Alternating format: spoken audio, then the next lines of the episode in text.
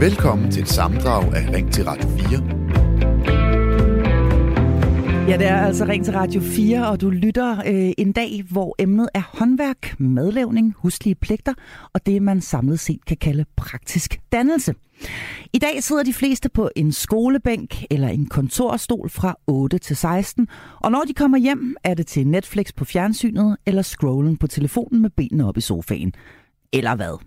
Der er brug for, at vi i højere grad bruger vores hænder. Det siger manden, som er bedst kendt som Bunderøven fra sit DR-program af samme navn, men som også bærer det borgerlige navn Frank Eriksen, og som i dag udgiver bogen Udsigt fra en malkeskammel. I den argumenterer han for, at det er den praktiske dannelse, der er løsningen på mange af tidens kriser. Klimakrisen, miljøkrisen den mentale sundhed. Og derfor spørger jeg i dag dig her i Ring til Radio 4. Har vi mistet evnen til at bruge vores hænder? Skal vi blive bedre til at holde de gamle håndværksfag i hævd? Og er der generelt brug for mere praktisk dannelse i det danske samfund?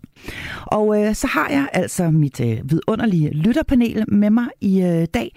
Det er dig, øh, Tony Michael Jensen. Nu, øh, nu hørte vi øh, lige før øh, en fra den danske dansk Husleds, Husflidsforening her tale om, om det her med, at vi skal være bedre til at, at fordybe os i, i manuelt arbejde, simpelthen også fordi det er godt for vores mentale sundhed. Hvad, hvad mener du om det argument?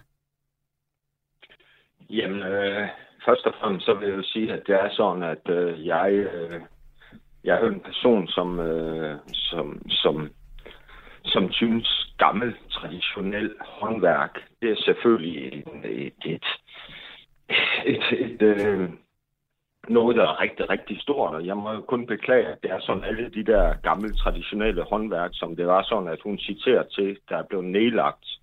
Øh, det, det synes jeg. Der er selvfølgelig en grund til, at det er sådan, at de blev nedlagt. Øh, for ellers så var de jo ikke blevet nedlagt. Øh, det, det vil svare til, at det er sådan, at man tager brugt skrivemaskine, selvom man har computer. Øh, og det vil, det vil svare til, at det var sådan, at øh, man brugte, jeg kan huske, at jeg er så gammel nu, hvor det var sådan, man borde et hul i væggen, så stod man, så er det en, øh, man, øh, så er det en, man drejer på, i stedet for en boremaskine. Mm. Altså det hele, det hele, er, det hele er jo effektiviseret. Mm. Altså øh, verden er effektiviseret. Og jeg kan godt lide tanken om det gamle, traditionelle håndværk. Mm. Det kan jeg godt. Jeg er også selv stolt af min kultur. Jeg tror bare, at det er sådan, når man tænker på samfundets udvikling og ting og sager, så, øh, Øh, øh, ja, så, så hænger det ikke sammen. Så vil jeg gerne citere, at det er sådan, at det der, han siger øh, omkring øh, bunderøven, omkring øh, om miljøkriser og natur og alt det der, jamen, øh, altså, alle vores dygtige øh, mm. håndværkere rundt omkring i landet, de, de har så skarpe sikkerhedskrav. Hvis det er sådan, vi går 30 år tilbage, så gik min øh, gamle stefar, han gik og sprøjtede lakeret den ene kælder, hvor var sådan, der ingen ventilation var. Mm. Han døde af cancer, det var sådan, han var 52 år, der havde han kom op.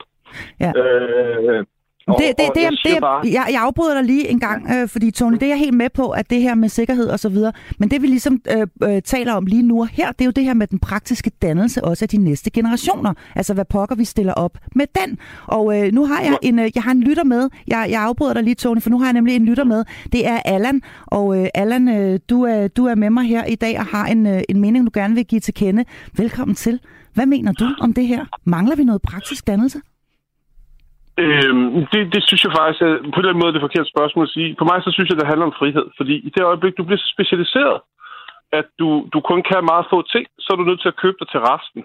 Og, og hvad gør du så i det øjeblik, at der er inflation, eller du bliver fyret, eller, eller alt muligt? I virkeligheden så synes jeg, det handler om frihed. Fordi hvis du selv kan gøre tingene, og hvis du, så, så har du en langt større frihed til at, at, at vælge de ting i et moderne samfund, som du har lyst til at være med i. Du, har, du kan selv vælge, Øh, for eksempel, hvis du har en hønsegård i baghaven, så behøver du ikke at købe buræg. Hvis du selv kan slagte en gris, behøver du ikke at købe øh, kød, der har antibiotika, og hvor dyrene ikke er blevet behandlet ordentligt. For mig at se, så handler det sgu om frihed. Mm. Og det er ikke sådan noget med, at vi skal holde gamle håndværk i live, bare for at holde dem i live. Vi skal, vi skal fandme, altså, og vi skal ikke holde dem sådan, som gamle, altså udvikle det. Og så gør det, fordi det giver noget frihed. Det giver noget resiliens. Mm. Også i forhold til, at vi har de her kriser, som vi har lige pt. Altså, ja, hvor vi jo både har... meget til det. Ja, jeg vil sige det, hvor vi Fordi både... jeg- Vi, det er jo også billigere, kan man sige. Altså, ofte er det jo også den billige løsning. Altså, hvis man Det- ikke har ret mange penge, så er det jo dumt at give 50 kroner for at få lappet sin cykel. Præcis. Altså, hvis du selv kan lappe din cykel. Hvis du selv kan gå ud og plukke et- noget frugt på et træ, så skal du købe dig til det. Altså, der er jo mange af de der ting. Og, og, og jeg synes det er vigtigt at lære vores børn det, fordi vi, hvis vores børn kun ser os købe os til, til goder og til, til alt muligt, så, så lærer de det ikke. Altså, altså mine børn, de skal sgu, de, de, de, det har de.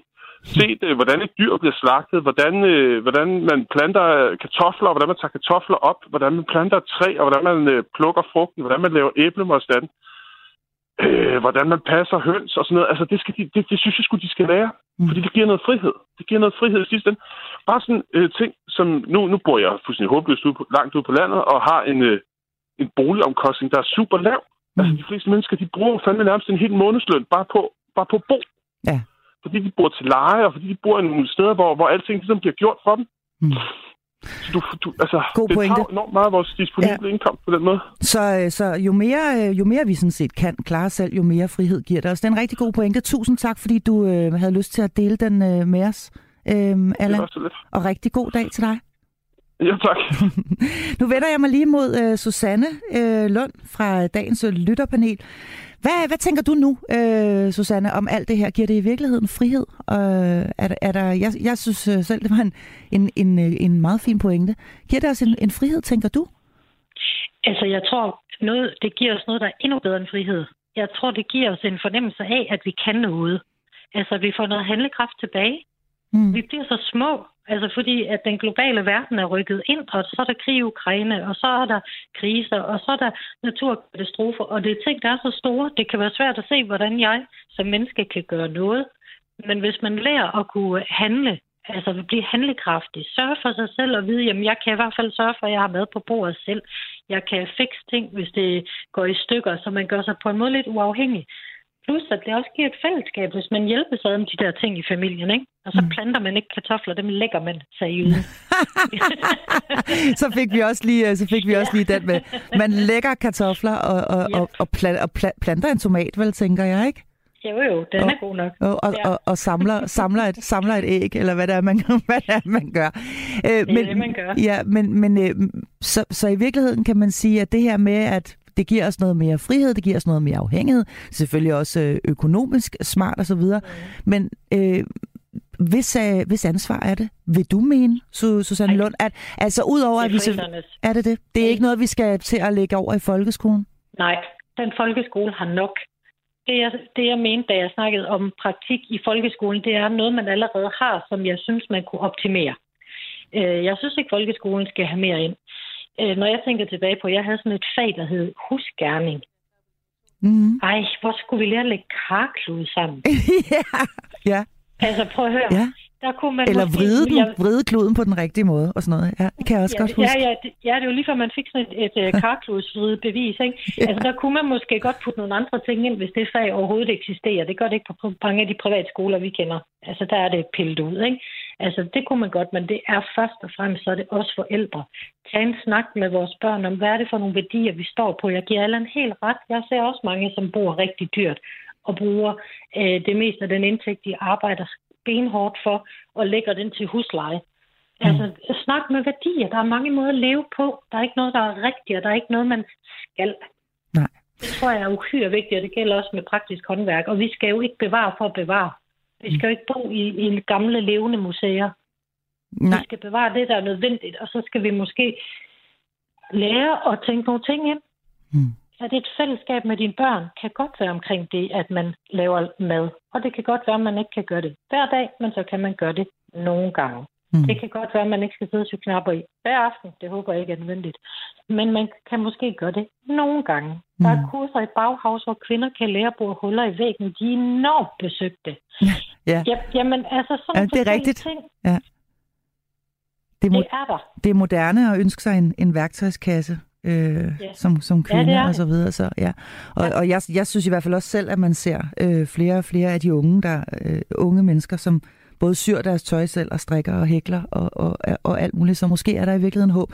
Susanne Lund, øh, du hænger på øh, øh, som øh, den ene del af mit lytterpanel her, øh, timen ud, men øh, nu skal vi tale om, øh, at en ting jo er, hvad vi voksne kan og gør, en anden ting er, hvad vi lærer vores børn, og ifølge min næste gæst, så mangler skoleeleverne i den grad praktisk dannelse, som altså er det, vi taler om her i dag.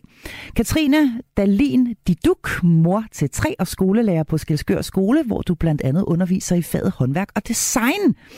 Øh, velkommen til dig. Velkommen til dig, Katrine. Ja, tusind tak. Jeg det er bare sådan mandags, uh, mandagsteknik i dag. Der er ingen, der rigtig kan høre hinanden. Uh, som sagt, du er mor til tre skolelærer på Skelskør Skole, og du er underviser i det her fag, der hedder håndværk og design. Hvor, uh, hvordan kommer det til udtryk, at eleverne mangler praktisk dannelse? Jamen, øh, det er egentlig noget af det, som, som mange af dem, der har været så kloge at tale om i dag, øh, taler om. Blandt andet det der med, at, øh, at eleverne kan mindre, når de kommer i skole. Det vi oplever, at, at øh, det er en ting, som forældrene ikke prioriterer lige så meget, som man gjorde før i tiden. Mm. Øh, så det der med, at når de når, altså kommer i skole og når indskyld, det der med, at de ikke kan binde, binde deres egen sko, eller lyne deres lynlås, eller, eller holde på en hammer, eller, eller har haft en synål i hænderne før. Og det er ikke, fordi jeg siger, at, at jeg forventer, at at alle forældre ved, hvordan man tyrer en knap i. Overhovedet ikke. Mm. Men det der med, at man har snuset til det, haft en, en, en lille smule erfaring med det, nogle bedste forældre, der har gjort det, eller noget i den retning, det er der færre og færre øh, elever, der har. Mm. Så du oplever simpelthen, at de er blevet dårligere, eleverne, til, til praktiske ting, siden du startede som lærer? Ja, men ja, det, det oplever jeg faktisk, men også sådan rent finmotorisk.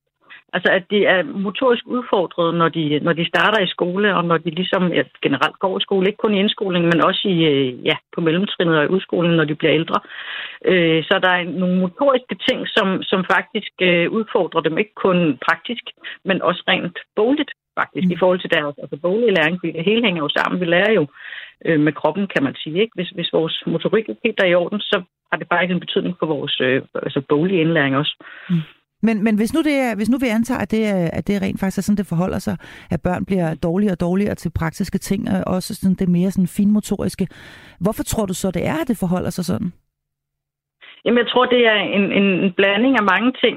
Øh, og jeg kan jo, øh, for det første vil jeg gerne forholde mig til det som lærer. Ja. Øh, det er jo, at, at, at, at folkeskolen har været igennem en lang, lang årrække er blevet akademiseret. Det, som Susanne kaldte husgærning før, det hedder det ikke mere, kan jeg fortælle. Det hedder håndværk og design i folkeskolen. Og øh, før, før, det, før det hed håndværk og design, der hed det sløjt og håndarbejde. Der havde man to timer håndarbejde og to timer sløjt om ugen. Og så havde man endda også to timer madkundskab øh, og måske noget musik ud over det. Nu der er det ligesom reduceret til to timers håndværk og design, hvor det hele ligesom er inde under det fag. Ikke lige madkundskab, vil jeg så sige. Øh, så, så det er blevet kogt ned altså i virkeligheden og fylder mindre? Det fylder langt mindre. Og så er det også mange steder, der man skulle sådan lidt ned på det fag. Altså det er ikke noget, der bliver prioriteret ude i folkeskolerne, øh, selvom det faktisk er blevet til et sådan obligatorisk valg, valgfag nu. Øh, mm. så, så, så det er ikke noget, der bliver prioriteret at lede skolelederne rundt omkring i landet. Mm. Men, men hvis nu vi lige også øh, bare kigger øh, ud over skolen og så hjem i de små hjem, hvorfor, øh, hvorfor tror du så, at det kan være, at, at forældrene måske heller ikke lige øh, får lært øh, lille buster og, og, og, sy og, og lappe en cykel og sådan noget? Altså, er der ikke en rimelig, øh, en, tror du, en, en, en rigtig øh, god forklaring på det, nemlig at vi har sindssygt travlt alle sammen?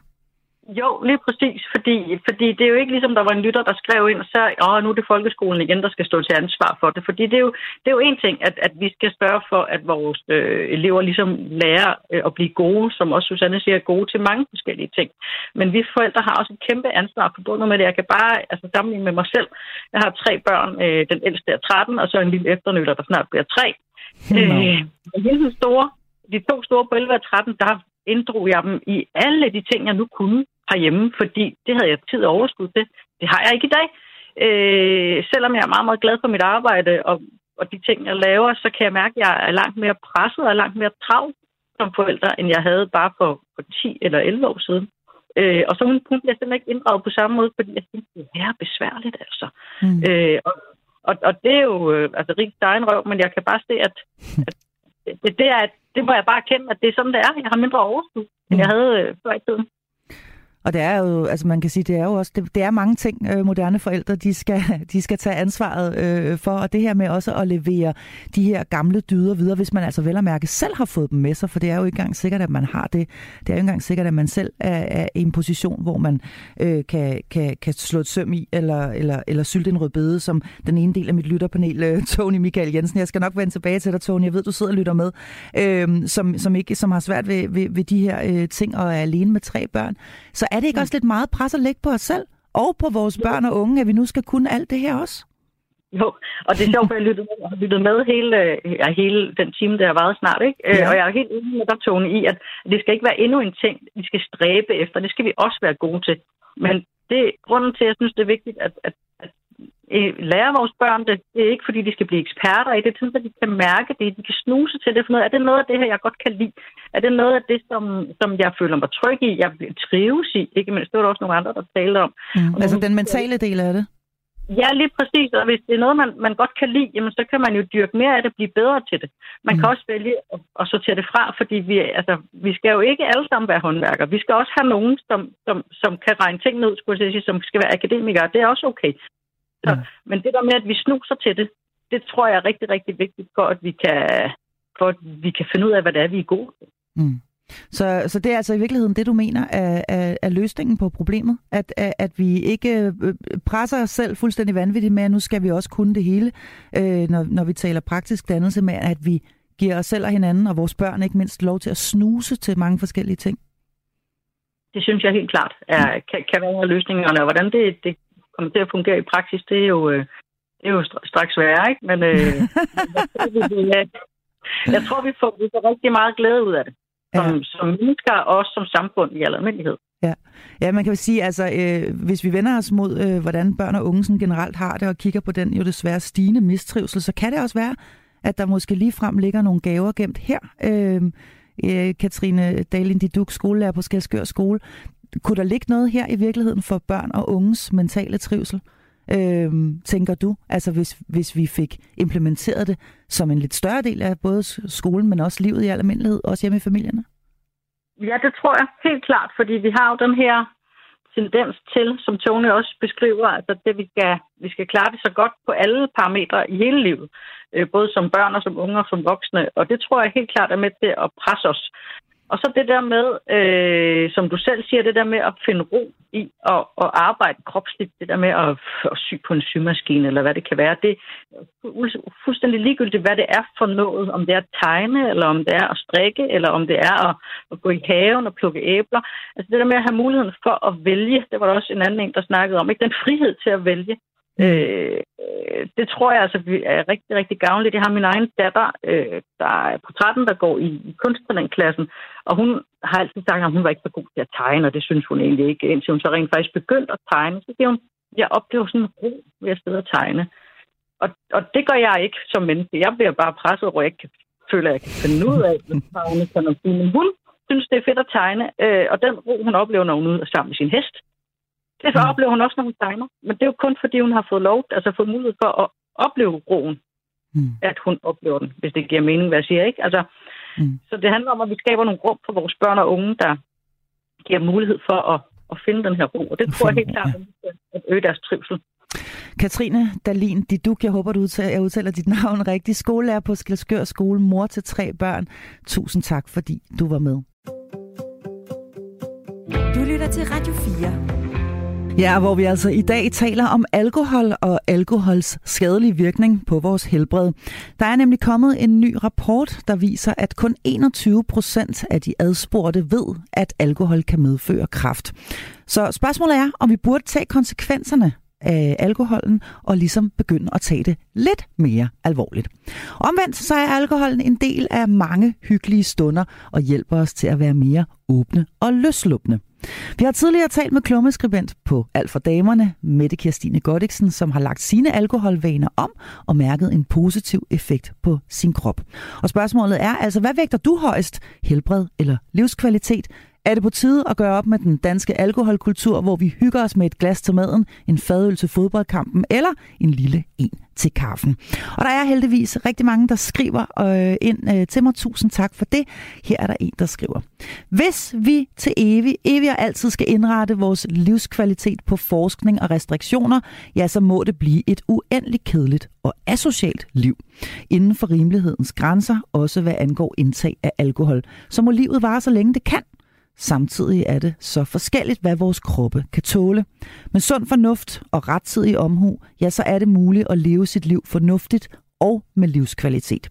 Husk at leve, mens du gør det. Annette. En anden skriver her, lidt af alt er medicin, lidt mere bliver til mad, og endnu mere bliver til gift. Med venlig hilsen, Victor. Og øh, så er der altså endnu en her. Den kommer fra en, der bare kalder sig for Larsen. Og Larsen skriver, jeg har ikke været fuld i otte år. Gad det ikke.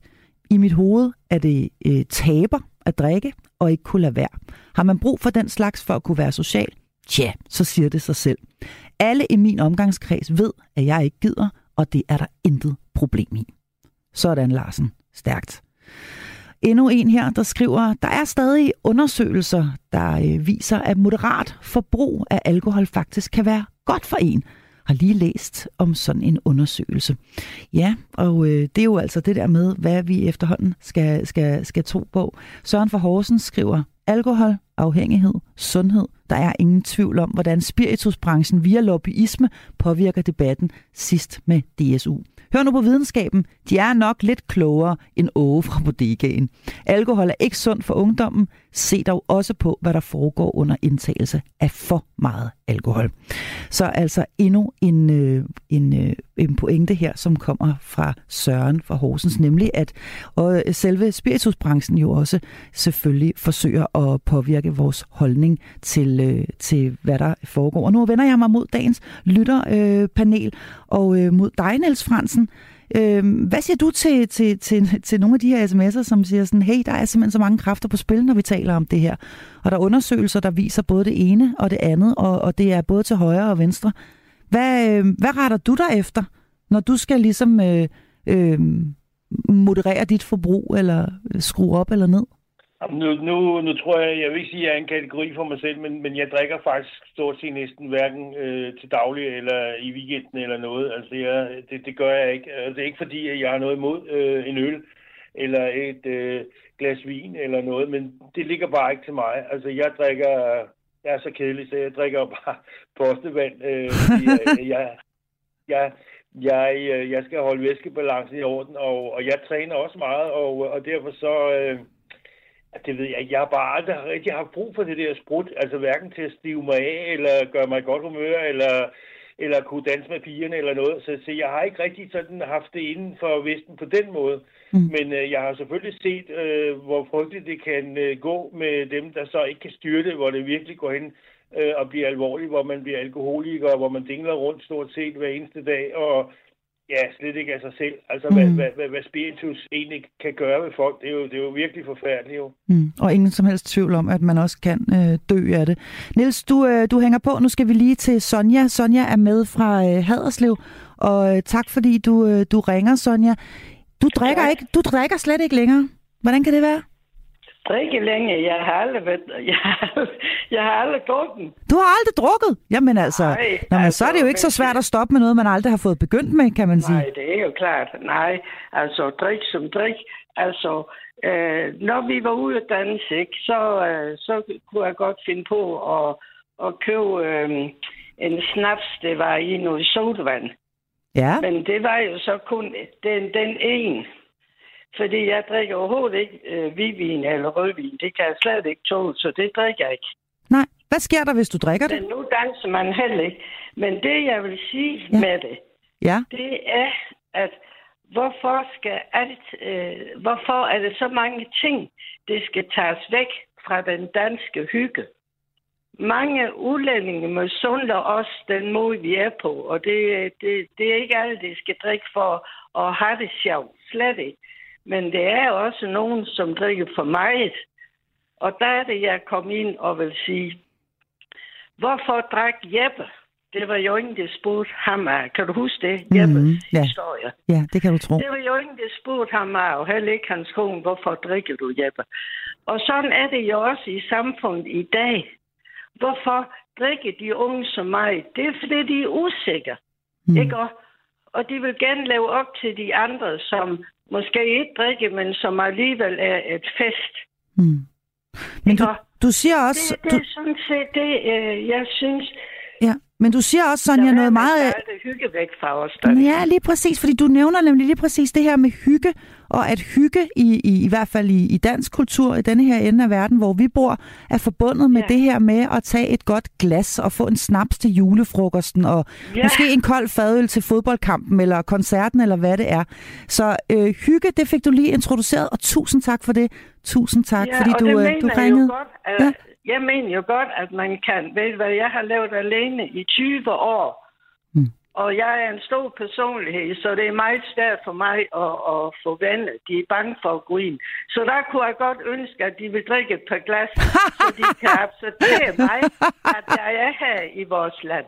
Ved du hvad, Sonja, jeg skal bare sige til dig, du er altid hjertelig velkommen, øh, både her hos mig og her på øh, Radio 4. Altid hjertelig velkommen. Det er jeg glad for. Tusind, Fordi tusind tak, fordi du ringede. Ja, men, mange øh, årsager til, for ja. ja. nu griner du, ja, ikke? jeg Men griner, for jeg synes, du er så skøn, Sonja. Jeg synes, jeg synes Jeg faktisk, du er skøn. sammen med dig. Men, men det er bare det, jeg mener. Mm. Det er ingen, der spørger folk af, hvorfor du drikker. Nej. Det er så mange årsager til, at folk tager et glas. Det kan være opvæksten i barndommen. Det kan være nogen, der lige er blevet skilt. Det kan være kærestesorg. Mm. Ja, du, er, det er, du, har, du har så mange gode pointer, Sonja. Og ved du hvad, vi kunne tale sammen hele dagen, men øh, jeg, jeg er nødt til at komme videre i teksten nu. Tusind tak, fordi du ringede, og du er altid velkommen her. Tusind tak, og rigtig god jul, I, hvis jeg i, I lige måde. I lige måde. Ja, øh, hygge, en øh, kold fadøl til fodboldkampen, snaps til julefrokosten, et godt glas vin i festligt lag. Alkoholen er ofte til stede, når vi danskere skal hygge os med hinanden. Og det kan gøre det svært at ændre på sit alkoholforbrug, selvom man i virkeligheden gerne vil. Jeppe Trolle Lindet, antropolog, og tidligere har du altså forsket i fænomenet hygge ved Syddansk Universitet. Velkommen til dig. Ja, tak skal du have. Nu øh, hørte vi lige Sonja her øh, lige præcis fokusere på det her med, at der er ikke nogen, der skal tage hyggen fra os. Hvorfor, øh, hvorfor er alkohol så vigtig en del af den danske hygge? Altså, øhm, man kan sige, den, den er blevet meget sådan vævet ind i vores vaner omkring nogle, øh, nogle tidspunkter. Jeg tror også lige, du nævnte nogle forskellige tidspunkter, hvor vi sådan får os et godt glas. Ikke? Mm. Øh, og man kan sige, den er, det er jo sådan blevet, lidt blevet del af nogle, nogle ritualer omkring, hvordan vi markerer, at øh, tiden går. Sådan, både i hverdagen med en, øh, nu er arbejdsdagen slut, og nu kan man måske få sig en fyraftensøl, eller nu er man kommet hjem, og nu, skal man, nu er det ligesom det, her- den her hjemlige afslappning, øh, hvor man øh, og, belønning måske for ligesom at have klaret første arbejdsdagen, og så måske en træls trafik eller sådan et eller andet. Ikke? Mm. Øh, og når først den ligesom sidder der, det der glas, som jo ikke nødvendigvis er et problem, men altså, så bliver det jo noget, man, man vender sig til. Øh, så kan man sige, altså, øh, helt grundlæggende, hvis man spørger, hvorfor alkohol, så øh, alkohol er jo bare en virkelig, virkelig stærk ting, fordi fordi det virker, og det, det smager godt, øh, og det virker på ens krop. Det gør noget rent kemisk. Og så har det så også den her symbolske øh, funktion af, at det ligesom fortæller folk noget, når det kommer på bordet. Nu har vi en time-out. Nu øh, behøver vi ikke længere at være disciplineret og arbejde hårdt. Mm. Er det særligt dansk? Altså det her med, at vi forbinder socialt samvær øh, med, med, med, at der skal indtages alkohol? Altså at de to ting er så, så tæt knyttet sammen? Nej, altså der, der er jo aldrig noget, der sådan er, er eksklusivt det ene eller det andet. Altså, hvis man skal tale om det der med kultur, så kan man sige, at det kultur, det forstærker øh, et eller andet træk, men man finder det også altid andre steder. Og du kan sagtens finde alle mulige eksempler på øh, andre steder på, at der hører øh, alkohol til øh, i, i socialt samvær. Mm. Men man kan godt sige, at vi, måske, at, at vi, øh, at vi danskere øh, altså, har det her med... Øh, øh, hyggen, som, som det, det her, vi sætter meget pris på det uformelle. Vi sætter meget pris på lighed. Hvis der er nogle hierarkier, øh, for eksempel mellem ansatte øh, på en arbejdsplads eller sådan noget, så øh, kan vi næsten ikke holde ud, hvis ikke de bliver sådan kollapset på en eller anden måde af og til, og folk bliver øh, bragt i øjenhøjde i forhold til hinanden. Øh, vi sætter også meget pris på det, vi opfatter som ærlighed, ligesom at folk de fortæller, hvad de har inde i, og hvad de går og gemmer på.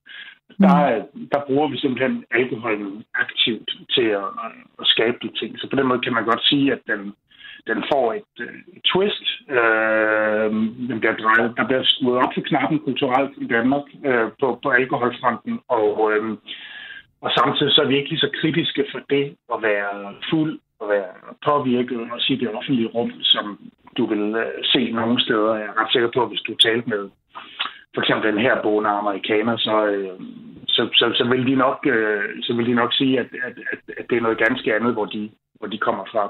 Mm. Og hvis vi vender os bare mod vores naboer i Skandinavien, altså Sverige og Norge blandt andet, så kan man jo også ligesom sige, at den, øh, der er ikke sådan, øh, øh, at den får ikke helt lige så meget smadret med, med alkohol.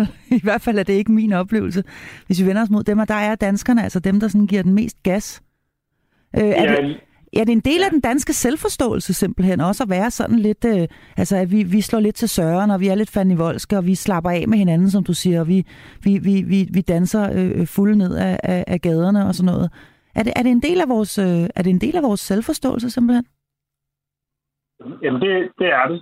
Øh, vi har den jo på mange måder, altså, vi, vi, og vi har også ligesom vores sådan, der er noget med bryggerierne, og den måde, de ligesom er vævet ind, og også helt sikkert også har været med til at skabe gennem deres markedsføring nogle figurer, som er blevet sådan nogle, altså for eksempel Roligan, øh, for at tage et eksempel. Ikke? Mm. Altså, der er, altså, man, kan, man kan ikke sige Roligan altså fodbold, danske fans, som de der gemytlige fans, ikke som de der sådan lidt, øh, lidt, lidt, lidt for vilde engelske fans, for eksempel. øh, der er ikke langt fra igen til at sige fadøl på en eller anden måde. Nej, det er der ikke. øh, og og der, der, kan man, der kan man sige, ligesom for at tage et andet eksempel, Coca-Cola var med til at skabe julemanden oprindeligt, så har bryggerierne også haft en eller anden rolle i, øh, i, at, i at understøtte den der hyggelige Roligan-figur. Og den karakter, den kan du jo den spiller vidt godt sammen med alt muligt andet, sådan danske ikoner, eller sådan lidt fjollede figurer i Olsen-banden, eller Klodshans, eller øh, krisehandleren i Matador, eller hvor vi er henne. Ikke? Altså de der, mm. sådan, dem der, som er sådan lidt antihelte, men alligevel ender med at være de gode, øh, fordi de bare har et godt hjerte, så de kan godt slænge sig gennem livet, og alligevel gøre det rigtige, hvor de er lidt mere kontrolleret, og eliten og adelen og sådan noget der, mm. de um, må ligesom ned at ligge på en eller anden måde i sidste ende. Så det, jeg hørte dig sige i virkeligheden, det er også, at vi idealiserer den der øh, øh, fulde onkel, eller den der sådan, sympatiske karakter, som godt nok har en rød næse og drikker for meget og så videre. At, at vi i virkeligheden øh, idealiserer øh, ham eller hende en lille smule, og, og, og det må jo alt andet lige også gøre det sværere at, at bryde med den her alkoholkultur, hvis vi i virkeligheden meget godt kan lide dem, dem der drikker. Jamen, Jamen lige præcis. Ja. Altså, altså det, er, det er svært både helt konkret at, at bryde med alkoholkulturen, når man sidder i et festligt lag for eksempel. Uh, og man er altså også op imod, uh, selvom det ikke bliver sagt direkte, men man er op imod rigtig meget kultur, der har den der uh, sådan uh, figur, der har fået det for meget ind under Vesten, ikke? Uh, og måske ikke rigtig styr på livet, men alligevel er godmodig. Ikke? Jeg kommer også til at tænke på vagabonderne hos uh, Storm P. for eksempel, og sådan noget. Ikke? Mm, altså, mm der, der, øh, der, er, der er virkelig, virkelig meget af det i, i, i dansk kultur og, og selvforståelse, hvor, hvor man kan sige, man finder ikke rigtig nogen helte, øh, som er sjove og rare og gode, som øh, samtidig har måske truffet et valg om at fraskrive sig nogle ting, f.eks. ikke drikke eller, eller sådan. Nej. Så det har vi i virkeligheden ikke særlig meget respekt for, og det kan vel også være problematisk, hvis man så er en af dem, som, øh, som vælger, at det, er, det, det vil jeg ikke røre, jeg vil ikke røre alkohol. Øhm, hvad vil vi miste, tror du som antropolog, hvis vi drak mindre i, øh, i Danmark? Tror du, der vil, der vil ryge noget danskhed øh, ud med, med alkoholen? Nej, der vil ikke ryge noget danskhed ud med, med alkoholen, fordi, altså, øh, fordi det er jo en, en, en konstruktion, det der med, med at, altså, at altså, man er blevet mindre dansk af at drikke mindre. Det, det, det tror jeg godt, de fleste vil, vil kunne se. Det vil være lidt bizarrt at sige. Ikke? Det kan godt være, der vil, øh, for det kan godt være, at folk vil, vil miste noget, de var vant til nogle steder, hvor de ligesom kunne øh, ja, netop være, føle, de var lidt mere autentiske over for hinanden. Der, øh, og det, det, det, der vil være nogle, nogle, nogle ting der, måske altså nogle samtaler, noget nærhed, som folk er vant til at skabe gennem, øh, gennem alkohol. Mm. Øh, en rytme, simpelthen i, hvordan sådan en aften forløber hvis det er en julefrokost for eksempel, og man bliver mere og mere fuld, ikke? Altså, der har vi, der har vi det jo også indbygget, ikke? At der er, der er øllen, og så kommer snapsen, sådan, ikke? Og så, øh, og så, og så skrider det hele lidt afsted, ikke? Altså, mens man bliver fuld, og så kommer osten også på bordet og sådan noget der, ikke? Så det hele, det hele bliver sådan lidt, lidt, lidt, lidt mærkeligere og lidt stærkere, ikke? Som aftenen, som aftenen går. Det er nærmest bygget ind i rytmen på det hele, ikke? Ja. En anden ting, der også er interessant, er det her med, hvordan man også kender hinanden på, øh, på, på, på hinandens øh, former for brænder der, ikke? Altså, man, man ved sådan, hvem der når at, at gå ind og lægge sig, inden brien kommer på bordet og så videre. Så man kan sige, det er jo også måske et, et dansk fænomen, det her med, at vi ved præcis, hvordan vores venner og familie agerer, øh, og hvor de befinder sig i deres, på deres drukskala, eller, eller hvad? Ja, altså i hvert fald så er det som om, at det her med, at vi sætter meget pris på, på, på, det, på det indre, altså på, på, på ideen om, at man, at man også skal have det med, Ja. Øh, hvilket jo også er virkelig, virkelig sundt på mange måder, fordi hvis man, hvis man slet ikke må det, så kan der, kan der også være alle mulige mentale ting, der ikke øh, går så godt for folk. Ikke? Men det er i hvert fald et, et, et dan, en dansk ting, at det nærmest er som om, vi har sådan en slags skyggeside med, som vi alligevel hiver frem i det åbne, som er den her måde, vi agerer på, når vi er fulde, som godt kan være fuldstændig anderledes, end den vi ellers er. Ja. Og det er ret okay med, med folk, øh, hvis bare det bliver ligesom sker på de autoriserede tidspunkter og på det rigtige, ja, med, med alkohol, ikke, som undskyldning. Ja. Så, men, men det du i hvert fald siger, Jeppe Trolle Linde, antropolog, og du, som altså har forsket i, i, i netop fænomenet hygge, det er, at det, der er ikke noget, der, der lader til, at vi vil miste øh, hyggen, hvis vi drak øh, mindre. Er det, er det korrekt forstået som din sådan grundlæggende pointe? Ja, det, det he- helt sikkert. Den vil vi ikke miste. Den handler også om, om, om andet, altså om, at man øh, simpelthen er i stand til at tage et øh, break fra, fra øh, presset, og, øh, og ligesom, øh, det handler meget om at give hinanden, de andre mennesker noget opmærksomhed. Øh, hvis, øh, hvis man også øh, træner sig i ikke at være på mobiltelefonerne sammen, men for eksempel i stedet for lige, øh, og, og måske lige, lige huske, hvordan man, man har en, en god samtale, hvor man faktisk får sagt nogle, nogle ting, så, så folk, øh, jeg skal sige, føler sig set, og, øh, og, øh, sådan, ikke? Altså, det er, jo, det, er jo, det er jo, på de måder kan man, kan man skabe hygge.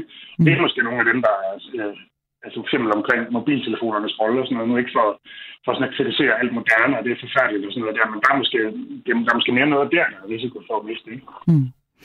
Jeppe Trolle Lindet, antropolog og forsker i hygge. Tusind tak, fordi du var med her til formiddag. Det var så let.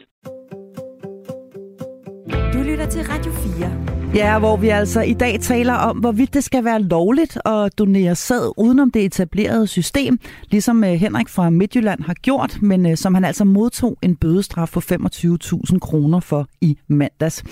Du kan være med i debatten og altså forholde dig til det her spørgsmål om, hvorvidt staten skal bestemme, hvordan du laver din familie, og om hvorvidt det burde være lovligt at forære sin sæd væk til lige præcis dem, man har lyst til, og i det omfang, man har lyst til. Og nu vender jeg mig mod øh, dagens øh, lytterpanel, og øh, det er altså Carsten Enevold. Og så er det øh, dig, Torun Birkbak, øh, som er, er med mig her i dag. Hvad, hvad tænker du øh, nu, hvor vi også har hørt Michael Bangsgaard fra Etisk Råd gøre os lidt klogere på, hvad det er for en lovgivning, der ligger til grund? Er du, øh, har du rykket dig en lille smule, eller holder du stadig fast ved, at den lovgivning, den skal blive der? Altså, jeg synes, det er svært, at, for der er mange øh, stillinger, stillingtagen også det der med det autokratiske samfund, øh, som for eksempel Kina, der bestemt i, igennem mange år, at man kun måtte få et barn. Altså, det, det skal vi selvfølgelig helst ikke ud i, men samtidig tænker jeg, at det er vigtigt, at vi tager ansvaret på os og ser meget bredt på den her sag. For eksempel, som også uh, Annette skrev, skrev i en sms, at, at der er kun vinder.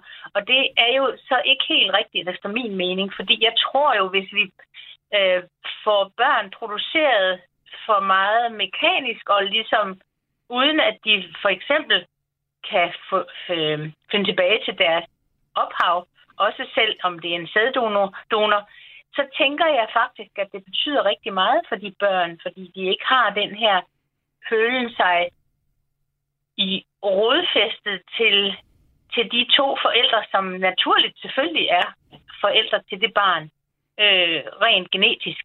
Mm. Og det tror jeg, jeg tror, den øh, rådfæstethed, den betyder meget mere for barnets velbefinde sig i verden. Mm.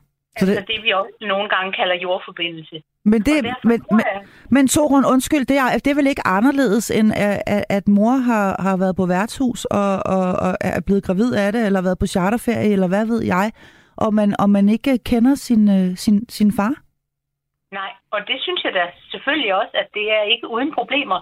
Og det viser sig jo også, at der, hvor, hvor for eksempel en, en mor vælger at, at, at bare lade sig befrugte en aften, efter hun har været i byen, det kan jo godt give nogle gnidninger mellem den far, som måske bliver bedt om at betale børnebidrag, og den konflikt mellem far og mor kan blive så stor, at det kan påvirke barnets, og vil påvirke barnets øh, identitetsfølelse, og de kan blive psykisk syge af det. Mm. At det er undersøgelser, der viser i forhold til skizofrene, som, som, hvor det viser sig, at der er meget stor øh, uenighed mellem far og mor. Mm. At det, det præger jo barnet. Så jeg tænker, der er mange, mange, mange hensyn. Der er, og det er ikke ja. helt enkelt at, at, at lave en lov, der lige siger sådan og sådan og sådan. Øh, så må vi godt. Men jeg tænker, det der jo er i sagen her er selvfølgelig, som også øh, Søren, han skrev i en sms, at måske skal vi have lidt ydmyghed i forhold til dem, der spreder deres sæd. Og det tænker jeg er fornuftigt, fordi selvfølgelig skal man ikke begynde at producere 18-19 børn på mm. den upersonlige måde, kan man godt sige det, selvom Henrik vil nok påstå, at de er, det er personligt, så, så tænker jeg stadigvæk, at det er godt, hvis der er noget mere kærlighed imellem de mennesker, som nu producerer det her barn. Mm. For barnets skyld alene. Tusind tak, Toren. Øh, nu skal vi øh, tale med øh, en øh, ganske særlig øh, kvinde, som jeg er så heldig at have med mig her, nemlig en af de kvinder, som har fået hjælp af, af, af Henrik og Henriks sæd. Mille Christensen, du er mor til Malte. Velkommen til dig. Mange tak. Du og øh, din kone har fået jeres søn øh, med sæd fra Henrik. Øh, og Henrik er altså nu blevet dømt for at distribuere netop sin sæd til mindst fem kvinder. Øh, det er din kone, der var gravid, og man har blandt andet kunne møde jer i TV2-dokumentaren Den gavmilde sæddonor fra 2020. Øh, kan du ikke lige øh, tage os øh, øh, lyttere med øh, i hånden her? Hvorfor valgte I at få jeres søn, søn øh, med, med lige præcis Henrik? Jamen, øh, vi valgte, øh, det var ikke bare fordi det lige præcis var Henrik, udover at det var en god kemi, men øh, vi valgte, at vi gerne vil lave, øh, forsøge at lave vores barn derhjemme i sengen, hvor vi egentlig synes, at et barn bør laves. Øh, og det tilbyder fertilitetsklinikkerne ikke, at man kan hjemmeinseminere. Øh, så vi tænkte, vi prøver, om vi kan selv, fordi fertilitetsklinikker er fantastiske. Hvis man ikke selv kan, øh, som, og, og så, hvis vi nu ikke havde kunnet selv, så havde vi selvfølgelig henvendt os på en klinik. Mm. Øh, men vi ønskede at forsøge at lave et barn derhjemme, og Henrik havde vi tilfældigvis en rigtig, rigtig god kemi med, så derfor valgte vi ham. Mm. Men øh, hvordan, undskyld jeg spørger, hvordan kunne I følge jer trygge ved, at, øh, at, at, at, at hans øh, genetik og så videre, når nu han ikke var screenet, at, at alting var i orden? Altså, da I ligesom øh, besluttede jer for, at det var ham og hans sæd, I gerne ville bruge? Altså, nu er han faktisk tilfældigvis screenet, øh, så, så det, det, det er ikke helt sandt. At, øh, men i princippet, altså, ligesom alle andre mennesker, man møder, altså, som siger noget, så, altså, så kunne det jo have været en løgn, at han sagde, at han var screenet, og det er han. Øh, men øh, så vi kørte jo på en mavefornemmelse. I kørte. Vi havde en god fornemmelse. Okay. Vi havde en god følelse med ham, så det var det. Godt. Hvordan foregik det så? Må vi, øh, må vi have lov at spørge om det? og det, det, var, det var en meget unik situation, vil jeg sige. Jeg kommer til at smile af den for evigt. Øh, altså, vi, Henrik havde egentlig skrevet til os med nogle rigtig, rigtig gode råd til, hvordan vi kunne navigere i systemet, fordi der er også uheldige typer i det. Det er, det. det er der bare, når man, når man møder mennesker på den her måde. Så vi havde spurgt Henrik efterfølgende, om han så ville øh, komme og snakke med os lidt mere, så vi kunne få nogle flere gode råd i det her. Og det gjorde han, øh, og kom forbi, og vi snakkede en hel aften og spiste kage og hyggede os og drak sodavand. Og, og kemien var bare fantastisk, så vi blev enige om, ved du hvad, vi giver det et go. Ja. øhm, og tilfældigvis så havde min kone så ikke løsningen på dagen. Øh, det, ja, det var, det var overhovedet ikke planlagt. Så vi tænkte, vi gør det. Ja. Hvad, hvad det værste, der kan ske? Det sker jo ikke første forsøg. Nej. Øh, men det gjorde det. Det gjorde det simpelthen? Han, ja, det gjorde det. Henrik han gik ud på badeværelset, og vi tændte med sterin lys og, og, og prøvede lige at lave en stemning. Så det var lidt akavet, fordi vi vidste, der stod en mand ude på vores badeværelse og, og med mere. Ja. ja, og så, da han havde var færdig, men så kom han ud med den og sagde, god fornøjelse. Og så kørte han, og jeg stod med den der sædhånd og tænkte, det, det, er måske ikke lige mig. Men det betyder jo faktisk, at jeg har selv gjort min kone gravid. Og Ej, den, hvor er det det fint. er, altså, jeg kan slet ikke beskrive den følelse af, at det er mig, der har lavet ham. Nej, det er, det er det jo faktisk. Det, det betyder simpelthen noget for dig. Det kan jeg næsten høre på dig. Ja, det gør det. Altså, det er, jeg er sikker på, at det også har været med til at gøre, at, at min, den kontakt, jeg har med min søn, er så unik, fordi at jeg føler, jeg har lavet ham. Ja. Jeg ved godt, rent genetisk har jeg ikke, men følelsen, den, altså, den er der. Mm. Det kan jeg sådan set sagtens sætte mig ind i. Øhm, ja, jeg bliver, helt, jeg bliver faktisk helt rørt af, af din fortælling. Jeg er nødt til lige at, at prøve at holde mig selv lidt på sporet her. Vidste I egentlig, at det var ulovligt, det her, I havde i gang i? Overhovedet ikke.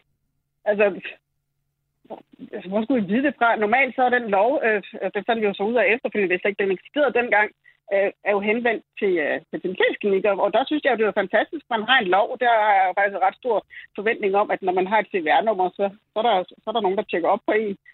Øh, og det er jo derfor, at den her sorg, den, den er jo præcis, det er jeg ikke engang udtale lige nu, hvilket det betyder, at det fremover er ulovligt for mm. almindelige mennesker at gøre det her på den her måde. Så, så det var vi slet ikke klar over. Mm-mm. Og havde vi vidst det, så havde vi ikke gjort det. Nej, det var, for det var næsten mit næste spørgsmål. Det var, havde I gjort det alligevel, hvis det var, I øh, havde ligesom havde vidst, at, at, øh, at det her, det kunne faktisk øh, ende med at, at, at, koste, øh, at koste Henrik 25.000 kroner?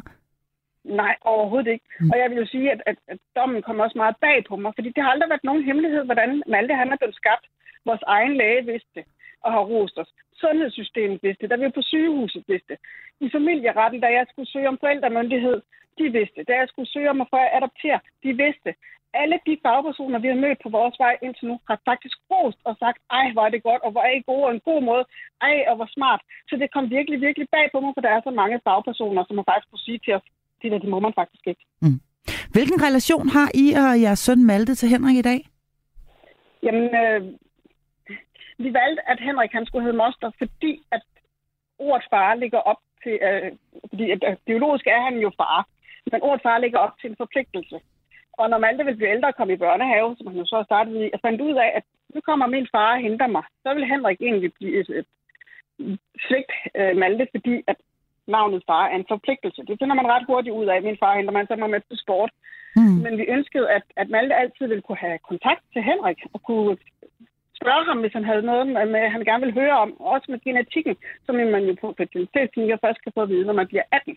Mm. Øh, hvor vi, vi må altid kontakte Henrik. Så han er, er blevet en del af familien og kommer også til fødselsdag her den 4. Fordi at vi har det så godt sammen. Og så for at Malte ikke skal blive svigtet af ham, så kalder vi ham moster, fordi en moster, dem ser man et par gange om året, og måske lidt mere. Men der er ingen forpligtelser, ikke? Altså, det er... Så det er moster det, Henrik? Ja, så han kommer forbi, der er ingen forpligtelser, men en moster er jo en, en man hygger med og har det. Man får nogle gode minder med. Mm. Der er simpelthen kommet en sms, og den er kommet til dig, Emilie, så den får du lige her. Det håber jeg, du er frisk på. Den kommer fra Søren, og den lyder sådan her. Vil, du, øh, vil I have valgt den samme donor, hvis I vidste, at der var 18 søskende derude? Til jeres søn? Nej, det ville, det ville, det ville vi faktisk ikke. Altså også da vi sad øh, i deadline, og vi spurgte ham, om han ville have flere børn, og han faktisk var ved, der, altså hvis man kigger på, på hvordan jeg, min, mit kropssprog det er, jeg kommer faktisk til at ryste på hovedet. Jeg synes, altså jeg har, min personlige holdning er, at jeg synes måske, han skal stoppe. Ja. Det er 18 børn af mange, øh, men, men der er måske også selv lidt at, at, at så mange børn skal man, skal man ikke have. Men okay, hvorfor synes du ikke, man skal have så mange børn? Øh, og slet ikke i Danmark, øh, rent genetisk. Jeg ved godt, at han er rigtig, rigtig dygtig til at have styr på det, og vi faktisk alle sammen har mulighed for at, at have kontakt. Jeg har en privat lukket Facebook-gruppe, men det er bare, altså, det, det, jeg synes, det er mange børn. Mm. Øh, så, så på trods af, at vores børn ikke vil kunne komme til at møde hinanden og lidt uheldige kærester, øh, så, så synes jeg bare, at det er mange selv. Mm. Jeg er nødt til at spørge dig sådan rent, bare sådan fra en mor til en anden. Hvordan vil du have det, hvis, hvis Malte en dag øh, får lyst til at opsøge nogle af alle de her mange søskende? Øhm, ja, og, og, og skaber relationer til dem. Han har jo allerede mulighed for det. Det har han, ja. Ja, vi har også mødt nogle af dem, fordi at, at vi, vi har mulighed for, at vi har været i sådan en zoologisk have, hvor der hvor, hvor både var dyr og legeplads, og dem, der havde lyst til at deltage, var med, og det var mega, mega hyggeligt, så, så det, vil ikke, altså, det vil ikke gøre mig noget. Mm. Fordi at jeg kan, der er nogle ting, jeg ikke kan give ham svar på, hvor jeg ikke kan spejle ham. Mm. Men det kan hans halvsøskende jo i princippet. Mm. Øh, og og det, det er det jo i princippet ikke. Jo, biologisk, men det er de ikke, fordi jeg har jo adopteret, og det betyder, at arvemassen, altså, der er heller ikke noget med arven. Malte kan ikke arve Henrik, fordi den er fjernet i, i med, at jeg har adopteret Malte. Mm. Vi skal lige tilbage en gang til lovgivningen her, Mille, fordi en ting er hele det, sådan det følelsesmæssige aspekt og så videre. Der kan jeg forstå, at der faktisk rigtig, rigtig godt styr på det hele, og I har det godt med hinanden alle sammen på kryds og tværs. Men kan du ikke godt sådan på det mere sådan principielle plan forstå, at der skal være nogle regler for, hvem der må donere sæd, så det ikke går hen og bliver misbrugt, for eksempel? Jo, selvfølgelig kan jeg det. Øh, der, der, hvor jeg har noget mod den her afgørelse, det er ikke fordi, at at den handler om, om vores familie. Det er, at de går, træder ind over, hvordan vi har skabt et menneske hjem vores, inden for vores fire væg. Mm. Øh, I princippet, hvis vi har haft sex med ham, så har der jo ikke været noget problem. Så i princippet siger staten, det er helt okay, Henrik traumatiserer to lesbiske kvinder, øh, fordi de gerne vil have lavet et barn hjemme i sengen. Men det er ikke okay, at han faktisk er sød og hjælper os på den her måde. Mm. Altså, hvad jeg har den her måde, det betyder, at hvis lesbiske kvinder skal have sex med dem, hvis de ikke, er, ikke kan vil på klinik, fordi de gerne vil lave det derhjemme, eller andre gode grunde, ikke? jamen så lægger staten så penge til side for, at vi kan komme på Center for Seksuelt Misbrug, fordi det er jo det, man, vi skal jo så skal man behandles for traume efterfølgende. Så det, jeg egentlig håber med det her, det er, at de måske åbner op for muligheden igen, at man må inseminere derhjemme. Den har jo været der, men øh, vævsloven spændte de faktisk sten for, så de var nødt til at trække den tilbage igen, den lov. Mm. Så du kunne altså godt tænke dig at få øh, øh, noget ændret i, i loven, sådan, så den bliver knap så diskriminerende. Det er det, jeg, jeg, jeg hører dig sige her. Ja, og havde, havde loven været til, at vi måtte øh, købe taget på sin sædklinik øh, og inseminere derhjemme, så havde vi gjort det. Mm. Så jeg ikke skulle vente to og et halvt år med at adoptere Malte, fordi så havde jeg kunne gøre det fra det øjeblik, Malte var blevet født. Mm. Øh, Mille Christensen, skal I have flere børn?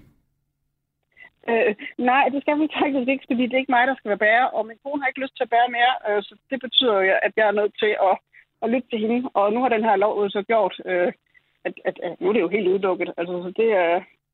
Fordi børn, de skal laves hjemme i dobbeltsengen? Ja, men mindre man har brug for hjælp, så er det fint, man tager på en klinik. Hmm. Så har vi jo et fantastisk system, hvor man kan få hjælp. Mille Christensen, mor til Malte, som øh, du altså har fået sammen med din kone med hjælp fra Henrik. Tusind tak, fordi du var med her til formiddag. Ja. Ja, og øh, så vender jeg mig altså lige øh, endnu en gang mod øh, lytterpanelet her.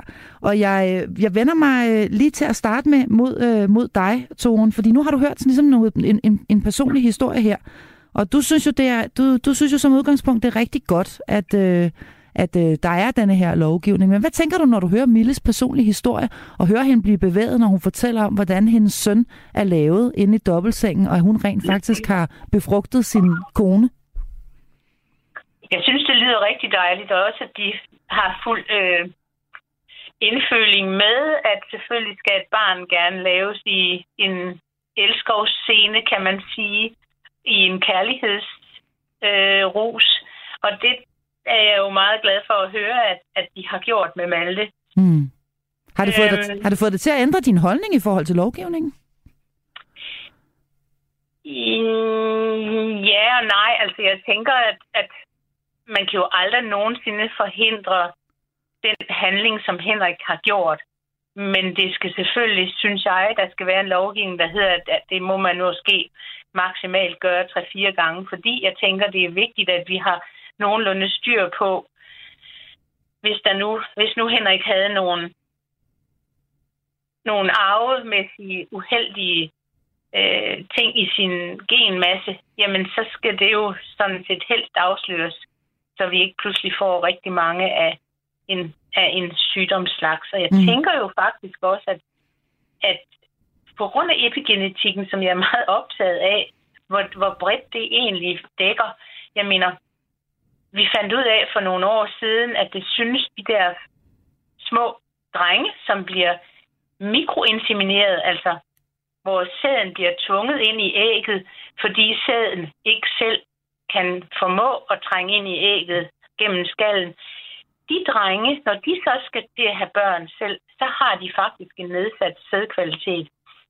Og det siger jeg jo selvfølgelig, fordi at det er vigtigt, at vi prøver at få kigget på, hvem der har nogle gode gener. Ikke kun på det rent øh, fysiske. Ja, fysiske gen, mm. genmateriale, men også på det mere psykiske genmateriale.